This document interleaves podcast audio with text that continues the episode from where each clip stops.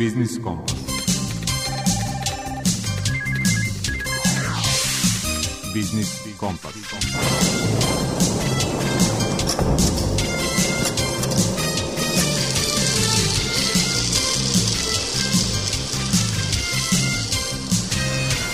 Pred mikrofonom je Đuro Vukilić. Dobar dan poštovani slušalci. Zaplovi smo i u februara ekonomske vode ne pokazuju znakove smirivanja. Obonaci da i ne pomišljamo. Kako god, današnji biznis kompas otvorit ćemo rubrikom aktuelnu i razgovorom sa ekonomistom Božom Draškovićem o tome šta se krije pod nominalno visokim stopama rasta većeg dela makroekonomskih pokazatelja. Gost autor rubrike iz mog ugla je direktorka Kancelarije za dualno obrazovanje i nacionalni okvir kvalifikacija Gabriela Grujić.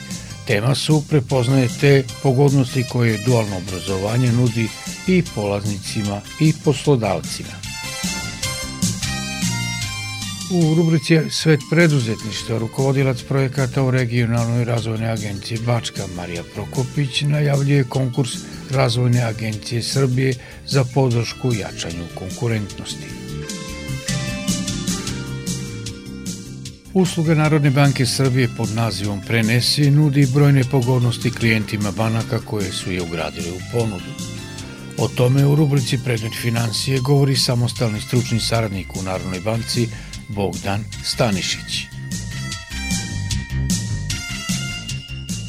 Pravni savjetnik u Udruženju za zaštitu potrošača Vojvodine, Mladen Alfirović u rubrici Potrošačka korpa prava, savjetuje klijente turističkih agencija šta da učine ako nisu uspeli da iskoriste zamenske vaučere iz doba korone.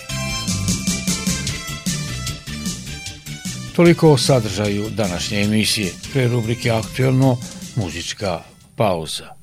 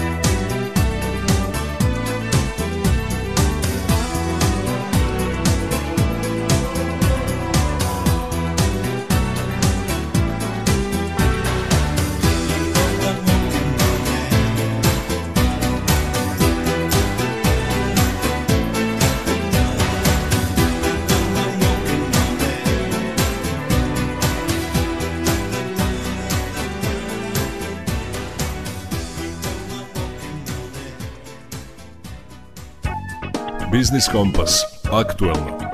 Snažan rast bruto domaćeg proizvoda od početka godine se prema takozvanoj flash proceni zvanične statistike u posljednjem kvartalu sveo na povećanje od 0,4 od 100.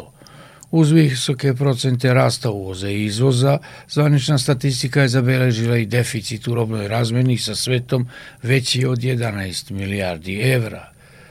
Može li se ovakav rezultat u kriznim vremenima ipak oceniti zadovoljavajućim, pitali smo ekonomistu profesora doktora Božu Draškovića.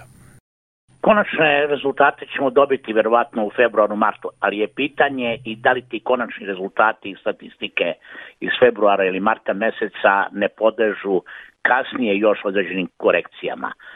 Suštine će se svakako dogoditi to da projektovane stope rasta bruto domaćeg proizvoda koje su bile optimističke se najverovatnije neće ostvariti. To zapravo pokazuje i posljednji kvartal 2022. godine.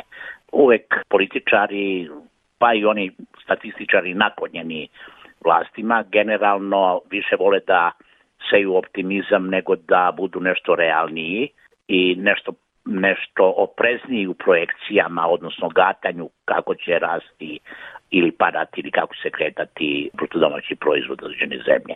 Podatak koji zabrinjava jeste i da je deficit u prošloj godini spoljne trgovine iznosio 11,4 milijarde evra i da je pokrivenost uvoza izvozom bila svega 70%. Kažem svega jer je prošlih godina to obimno premašivalo taj procenat. Da li je to rezultat isključivo poskupljenja energenata ili ima i drugih komponenti ugrađenih u taj loš rezultat?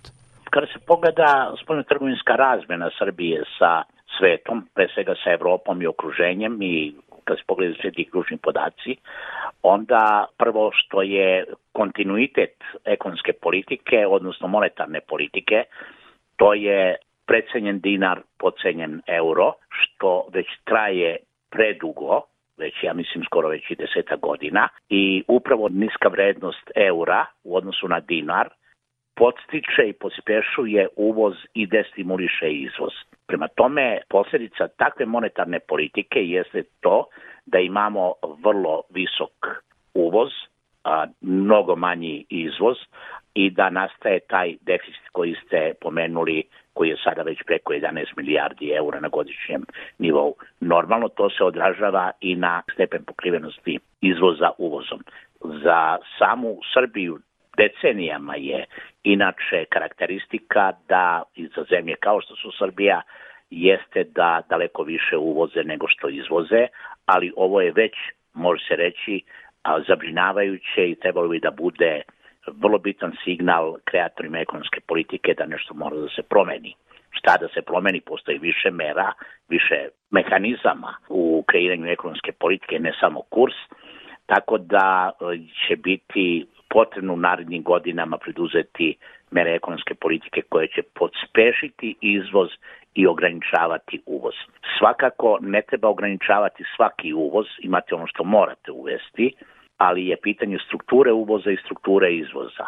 U strukturi uvoza mi najviše uvozimo e, energente, a mnogo manje je to nešto što se odnosi na opremu i rezervne delove i dosta se uvozi robe široke potrošnje, što je direktno u, u potrošnju, pored normalno nužnosti uvoza energenata. A opet izvoz naš je baziran na delu poljoprivrede, ono što je deo e, našeg izvoza u automobilskoj industriji sa relativno malim neto efektom i imamo izvoz šelika, odnosno imamo izvoz onoga što proizvode strane kompanije kod nas proizvode i istovremeno uvoze. Neto efekat toga pokazuju opšti podaci da su nepovoljni za Srbiju.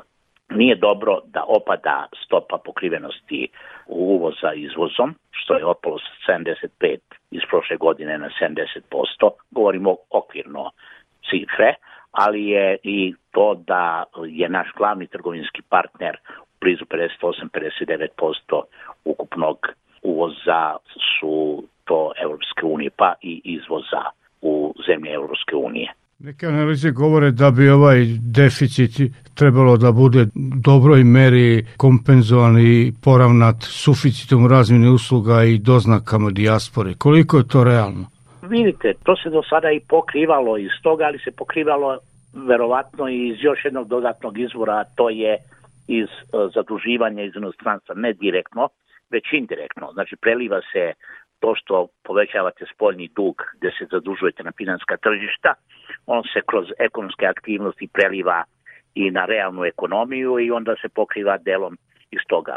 Svakako da takođe decenijama značajan činilac jesu nerobne usluge, odnosno ono što dolazi iz sektora nestandardnih transakcija, a to je doznake, pa i iz platnog bilansa, odnosno sa inostranstvom se pokriva. Međutim, ako na dug rok se nastavi ovaj trend sa ovakvim ajde kažem procesom, velikog gepa između uvoza i izvoza, to uvek mora doći vreme kada će se morati platiti. I na osnovu svih ovih rezultata pitanje za kraj koliko su realne procene rasta bruto domaćih proizvoda Srbije, pominje se oko 2,5%. Vidite, bilo bi dobro da bude i 2,5 i 3%. Pitanje je samo koliko su realne projekcije. Kako će se, šta će se dešavati sa inflacijom, šta će se dešavati sa tim uticajem poremećaja u svetskom ekonomskim kretanjima, ratom u Ukrajini, uticaj to na Evropu, svakako i na manje zemlje kao što smo mi, će se odraziti. Sad se kretati sa energentima, sve su to neki od ključnih faktora koji će uticati na to kako će kretanje biti bruto domaćeg proizvoda. Bilo bi dobro da bude 2,5-3% i to 2,5 je relativno mali rast, mislim. To nije, nama bi trebalo da imamo, da bismo nešto značajnije ostvarili rast od 4,5-5% na godišnjem nivou, ali to je misaona imenica. Zašto je to? To je pitanje ne samo ove, ovoj vladi, pitanje je bilo onim prethodnim vladama, ovoj, a i budućim vladama, šta uraditi u ekonomskoj politici da podspeši ekonomski razvoj, meren rastom GDP-a. Naš sagovornik bio je ekonomista profesor Božo Drašković.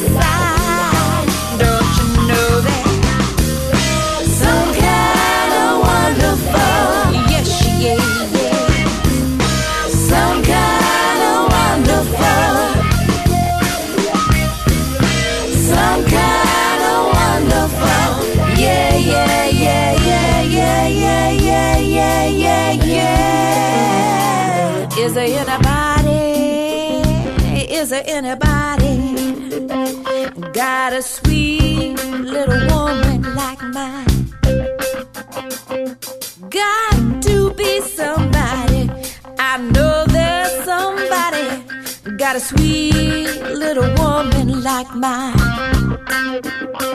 Can I get a witness? Can I get a witness?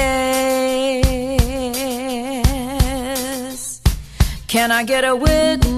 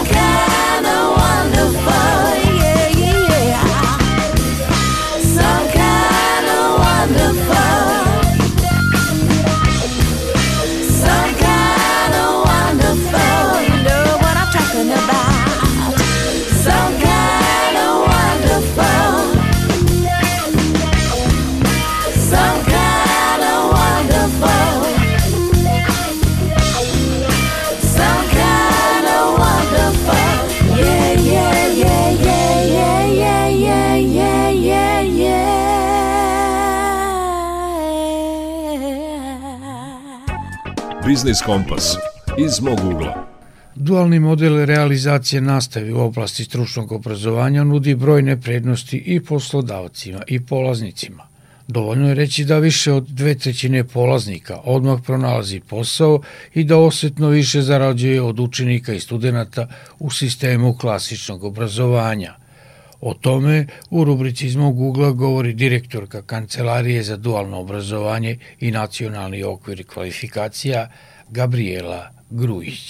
Zašto kažem dualni model realizacije nastave u oblasti stručnog obrazovanja? Pa upravo zbog toga što takva platforma a, nudi mnogo veći fond sati učenja kroz rad u kompanijama nego po klasičnom modelu i nudi a, kroz zakonsku regulativu, kroz planove i programe nastave učenja tačno koje su sve to ishodi koji mladi čovek nakon dobijanja svoje diplome, odnosno nakon formalnog željenog nivoa obrazovanja stiče, da bi bio konkurentan na tržištu rada.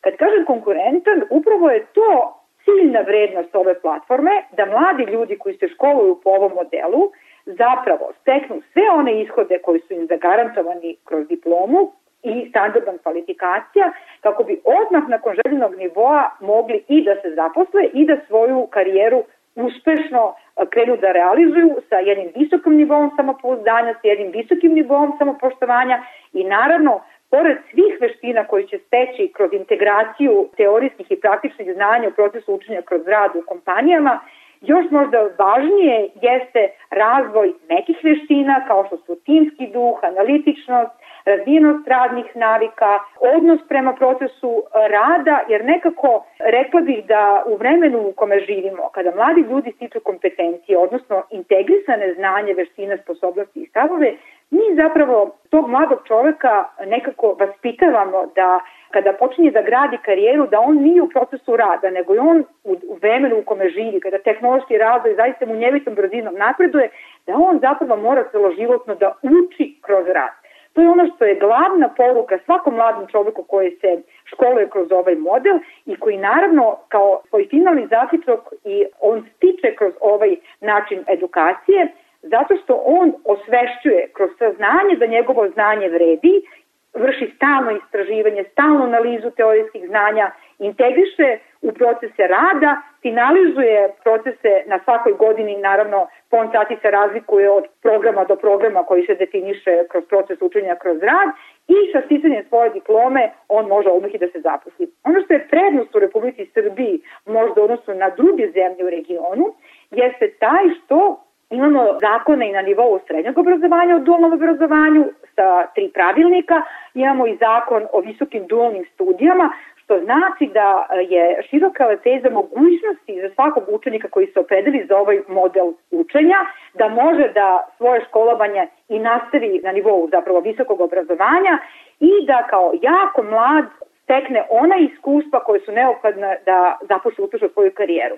Znate, kada kompanije, na primer, objavljuju svoje konkurse, ti smo svedoci da kompanija traži određeni broj godina iskustva. I sad zamislite jednog mladog čoveka koji završi formalno obrazovanje, pa bez obzira da je to srednji nivo obrazovanja ili visok nivo obrazovanja, nema određeno iskustvo, kako on može da aplicira, a veoma je zainteresovan da radi u toj kompaniji. Dakle, ako se opredeli za dualni model realizacije nastave, on je već sticao znanje u toj kompaniji, na primjer na nivou visokog obrazovanja on stiče i određeni broj SCP bodova, u diplomi na nivou srednjeg i visokog obrazovanja mu piše u kojoj kompaniji proveo koliko sati u skladu sa planom i programom nastave učenja i dakle njemu su prevashodno vrata kompanije u kojoj je bio u procesu učenja kroz rad otvorena, a da ne govorimo o tome o prednostima da je on zapravo kvalifikovan za oblast za koju se opredelio odmah nakon formalnog obrazovanja i da može uspešno da započne svoju karijeru. Ono što je još jako bitno jeste da pouzdanost dualnog obrazovanja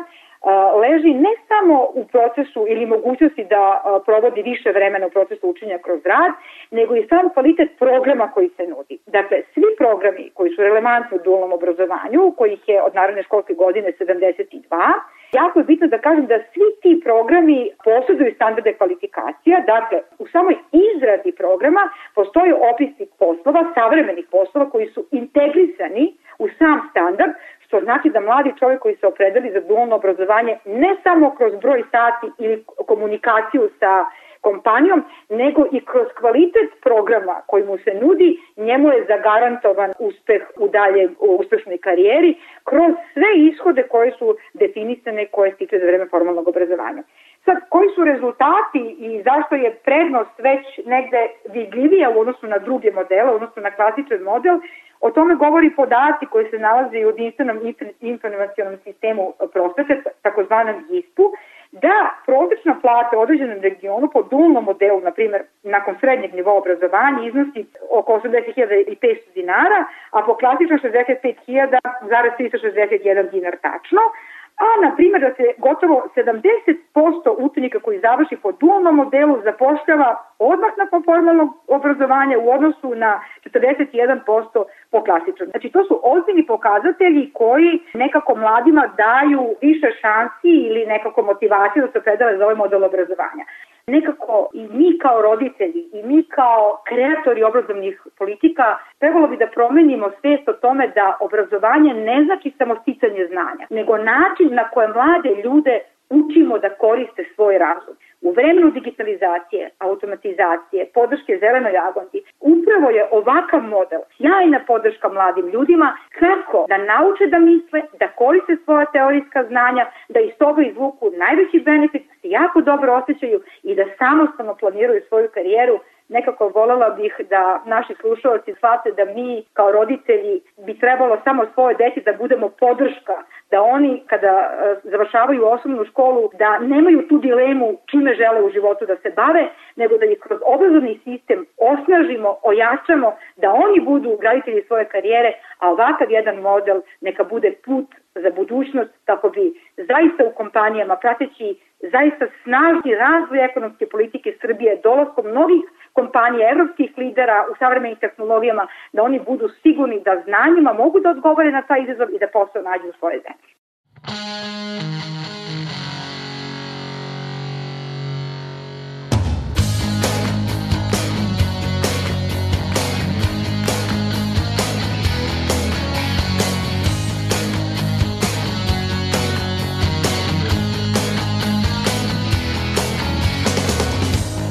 Is this what you want?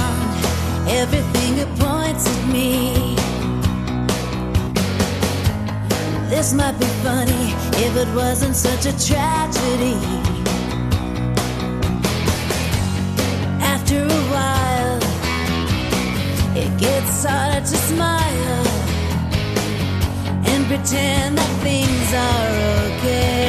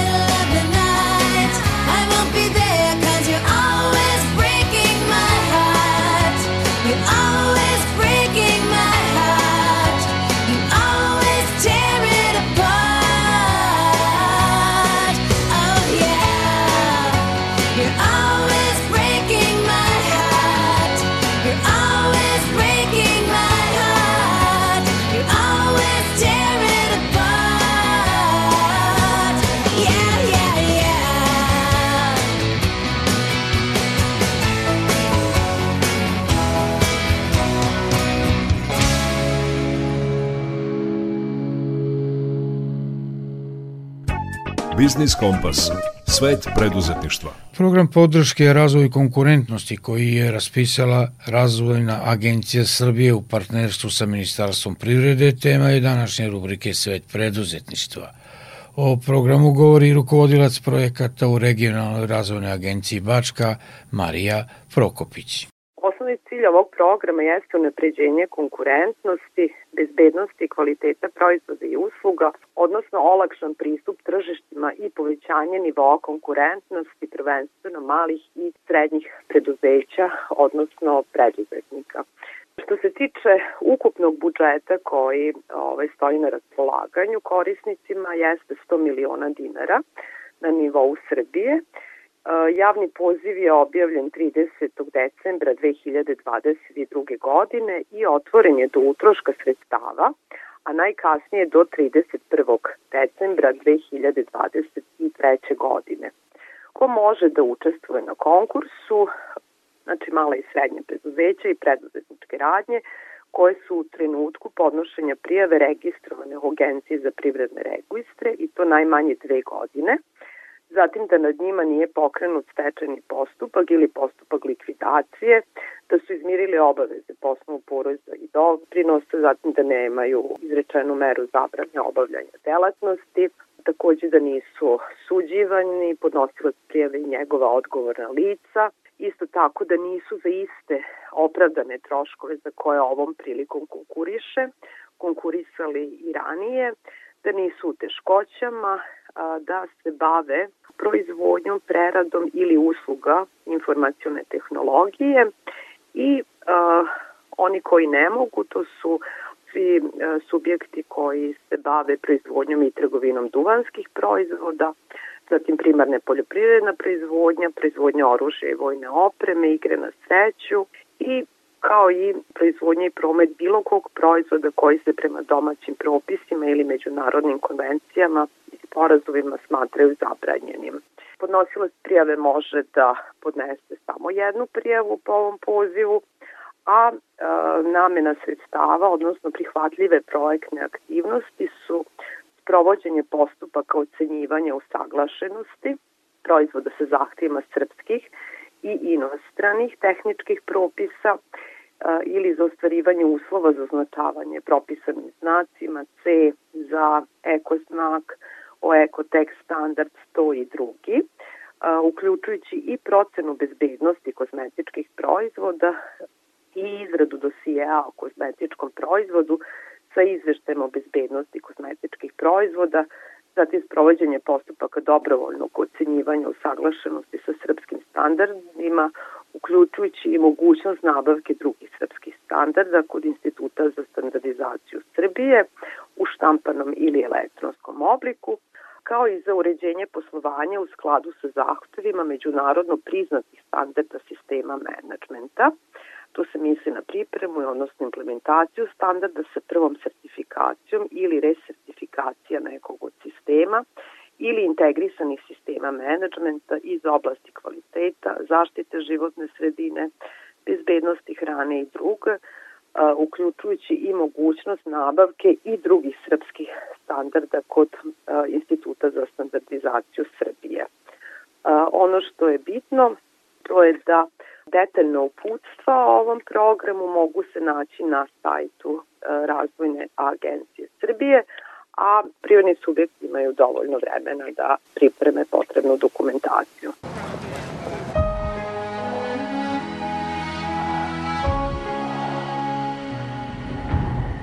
See the devil on the doorstep now, my oh. Telling everybody on just how to live their lives. Sliding down the information highway, buying in just like a bunch of fools. Time is ticking and we can't go back, my oh my. What about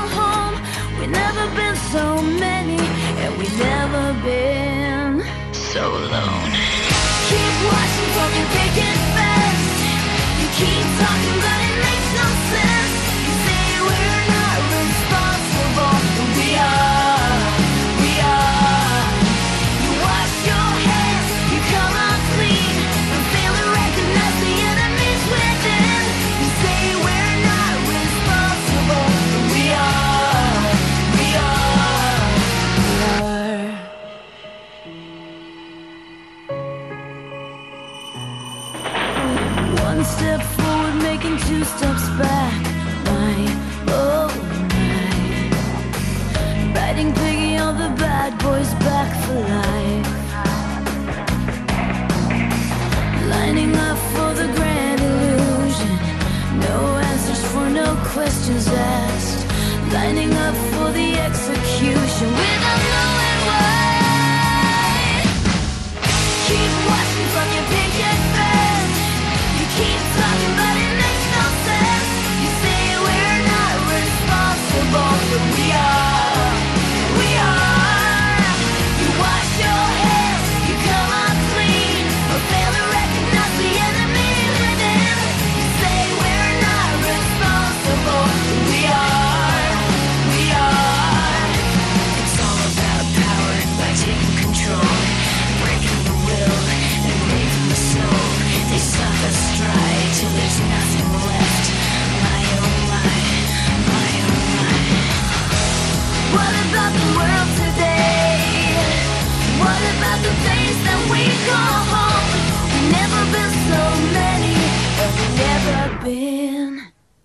so long.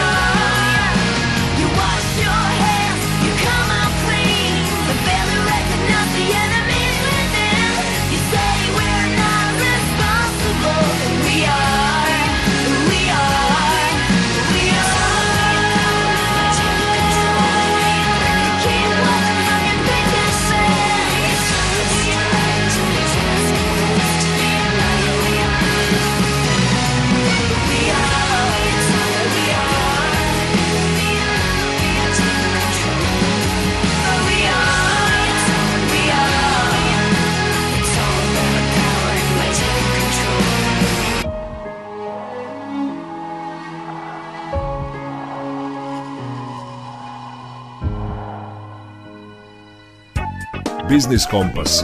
Predmet financije. Narodna banka Srbije je pretprošle godine uvela uslugu pod nazivom Prenesi, koju trenutno podržava osam poslovnih banaka.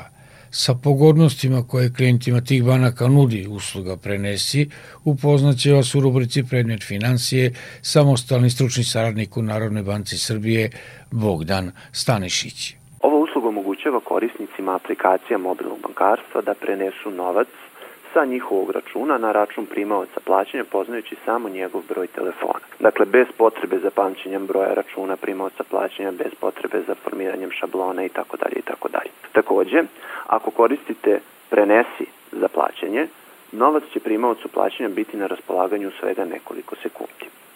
Dakle, prenos novca putem ove usluge izvršava se u tri koraka. Prvo potrebno je da otvorite aplikaciju mobilnog bankarstva. Nakon toga potrebno je da izaberete jasno izdvojenu opciju prenesi u okviru te aplikacije mobilnog bankarstva koju imate na svom mobilnom telefonu. Kada izaberete tu opciju, vi onda unosite broj mobilnog telefona ili ga možete učitati iz svoje liste kontakata, dakle postoji ta opcija, i upisujete iznos novca koji želite da prebacite vlasniku pomenutog broja telefona. Nakon toga, nakon upisivanja iznosa i broja telefona, možete proveriti unete podatke, a uz unete podatke moći ćete da vidite i ime i prezime registrovanog primaoca plaćanja za tu uslugu prenesi čiji ste telefon upisali. Ako je sve kako treba, onda potvrđujete izvršavanje transakcije, a novac će primaocu plaćanja biti na raspolaganju u svega nekoliko sekundi. Gotovo odmah. Dakle, za slanje novca putem prenesi treba da koristite aplikaciju mobilnog bankarstva koju već imate na telefonu i da znate ili imate memorisan primaočev broj mobilnog telefona. Sa druge strane, s obzirom da sam pomenuo da je primalac plaćanja registrovan za uslugu prenesi, ako želite da primate novac preko ove usluge, potrebno je da se za nju i registrujete. E, Registracija suštinski predstavlja povezivanje vašeg broja telefona sa vašim brojem računa i obavlja se kroz aplikaciju mobilnog bankarstva u svega nekoliko koraka. Za manje od minuta možete biti registrovani za ovu uslugu i primati novac kada pošilac upisuje vaš broj telefona prilikom upotrebe prenesi. Registracija za ovu uslugu je dobrovoljna i ako nekom trenutku više ne želite da primate novac ovim putem, ne želite da budete registrovani za ovu uslugu, vi možete da deaktivirate uslugu takođe kroz nekoliko koraka putem aplikacije mobilnog bankarstva. Usluga Prenesi ima raznovrsnu primjenu u svakodnevnom životu i može se koristiti na različite načine ovaj, i recimo neki od njih su da u slučaju zajedničke kupovine rođendanskog poklona možete da prebacite novac onoj osobi koja kupuje taj poklon ili u slučaju da kolega na pauzi izađe pa vam kupi nešto iz prodavnice što ste tražili možete da mu prebacite novac, ne morate da mu dajete keš. Takođe, jedna osoba u restoranu može platiti račun, a ostali mu mogu prebaciti novac putem ove usluge, na primjer. Ono što je veoma bitno e, jeste da se prenos novca dešava u istom trenutku, što je izuzetno pozitivna karakteristika usluge. Znači, odmah primalac plaćanja taj novac ima na raspolaganju na svom računu. Usluga prenesi, pored ovih malih transakcija koje sam ja opisao, može biti korisna i za transfere veće količine novca. Tačnije, prenesi omogućava pošiljaocu da u nekoliko sekundi primaocu plaćanja prebaci do 300.000 dinara na račun. Tako da lepa primjena slanja veće količine novca ovom uslugom jeste kada roditelji šalju novac deci koje studiraju u drugom gradu, na primjer. Ponavljam, primalac plaćanja odmah može raspolagati novcem na svom računu, što slanje novca putem usluge prenesi čini jako atraktivnim. Dakle, za uslugu prenesi, uz poznavanje samo broja telefona primaoca plaćanja, možete izvršiti prenos novca sa vašeg računa na njegov u nekoliko sekundi, a sve što vam je potrebno jeste aplikacija mobilnog bankarstva vaše banke. Ako želite da primate novac putem ove usluge, morate da napravite još jedan dodatni korak, da tako kažemo, i da se registrujete za nju takođe kroz aplikaciju mobilnog bankarstva u par jednostavnih koraka.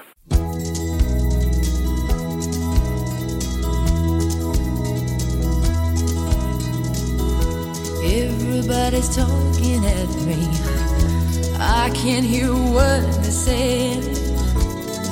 Only the echoes of my mind. people stop and stare. I can't see their faces, only the shadows of their eyes. I'm going where the sun keeps shining through the pouring rain. Going where the weather suits my clothes. Backing off of the northeast wind sailing on summer breeze. Tripping over the ocean like a stone. Oh, oh, oh, oh, oh, oh, oh.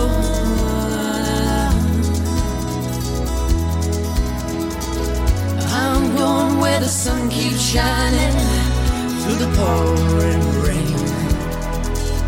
Going where the weather suits my clothes. Backing up of the northeast wind and sailing on summer breeze. Dripping over the ocean like a stone. Everybody's talking at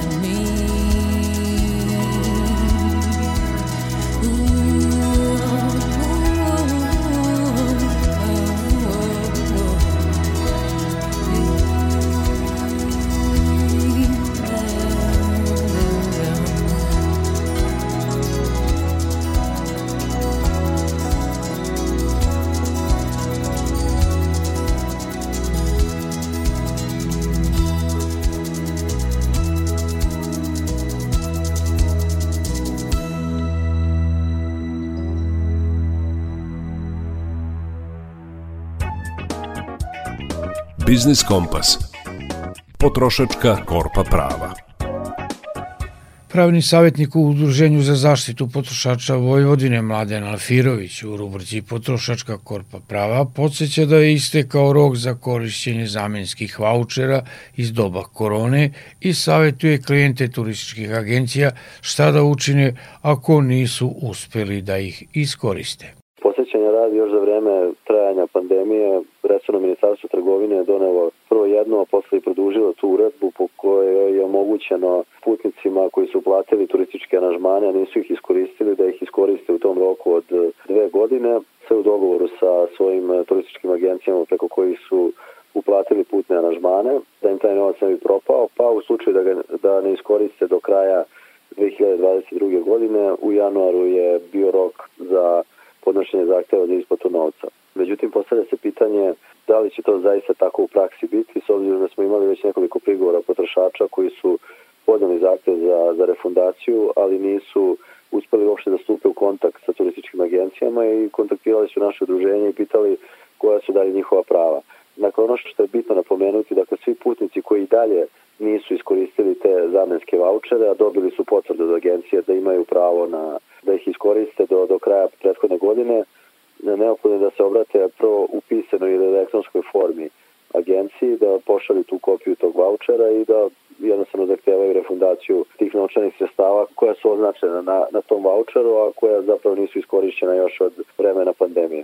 Dakle, ono što mi savjetujemo je da se ne kontaktira agencija putem telefona, već se, da se zvanično pošalje zahtev u pisanoj elektronskoj formi i da se sačeka odgovor agencije. Ovi potrošači što su se nama javili tvrde da se niko ne javlja na, na telefoni dok se ne mogu da stupe u kontakt i to je zapravo prvi korak koji treba uraditi, dakle zvanično se obratiti, pa ukoliko dalje ne postoji mogućnost komunikacije sa agencijom, onda je nadležna turistička inspekcija koja bi to trebalo prijaviti i koja bi dalje u nekom postupku nadzora u skladu sa zakonom trebalo da utvrdi sve činjenice i okolnosti.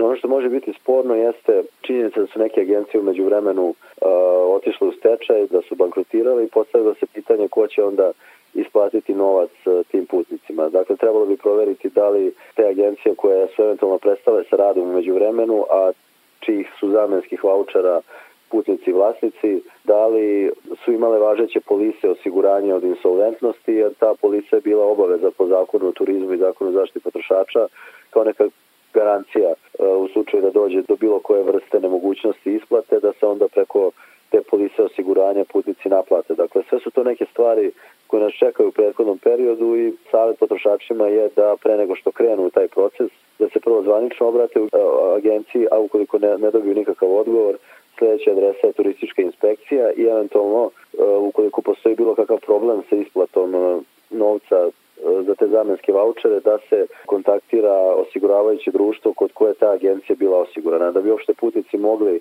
da dođu do te informacije, dakle neophodno je da kontaktiraju inspekciju u slučaju da ne mogu da, da stupe u kontakt sa turističkom agencijom.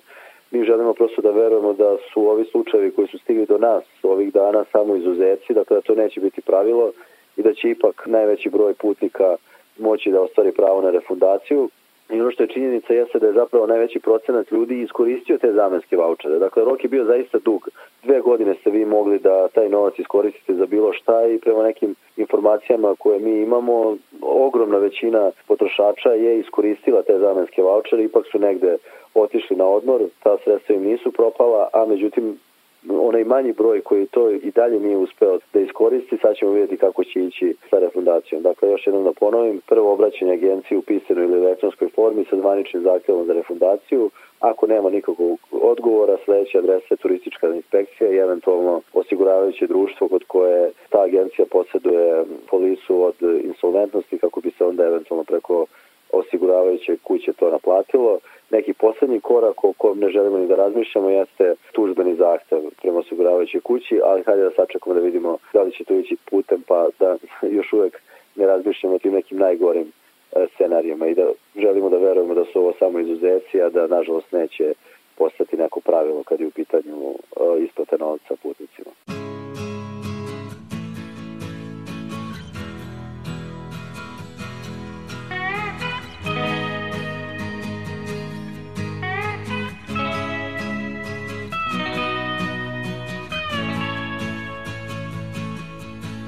Well, I tried to make it Sunday, but I got so damn depressed that I set my sights on Monday and I got myself undressed. I ain't ready for the altar, but I do agree there's times when a woman sure can be a friend of mine.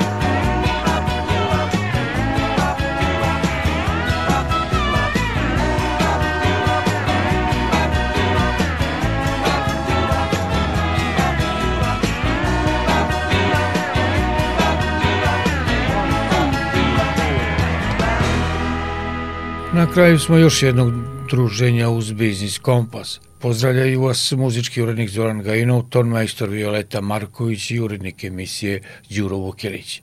Slušajte nas i odloženo na internet stranici Radio Televizije Vojvodine, podcastu Odloženo slušanje. Zdravi bili i čuvajte se. If you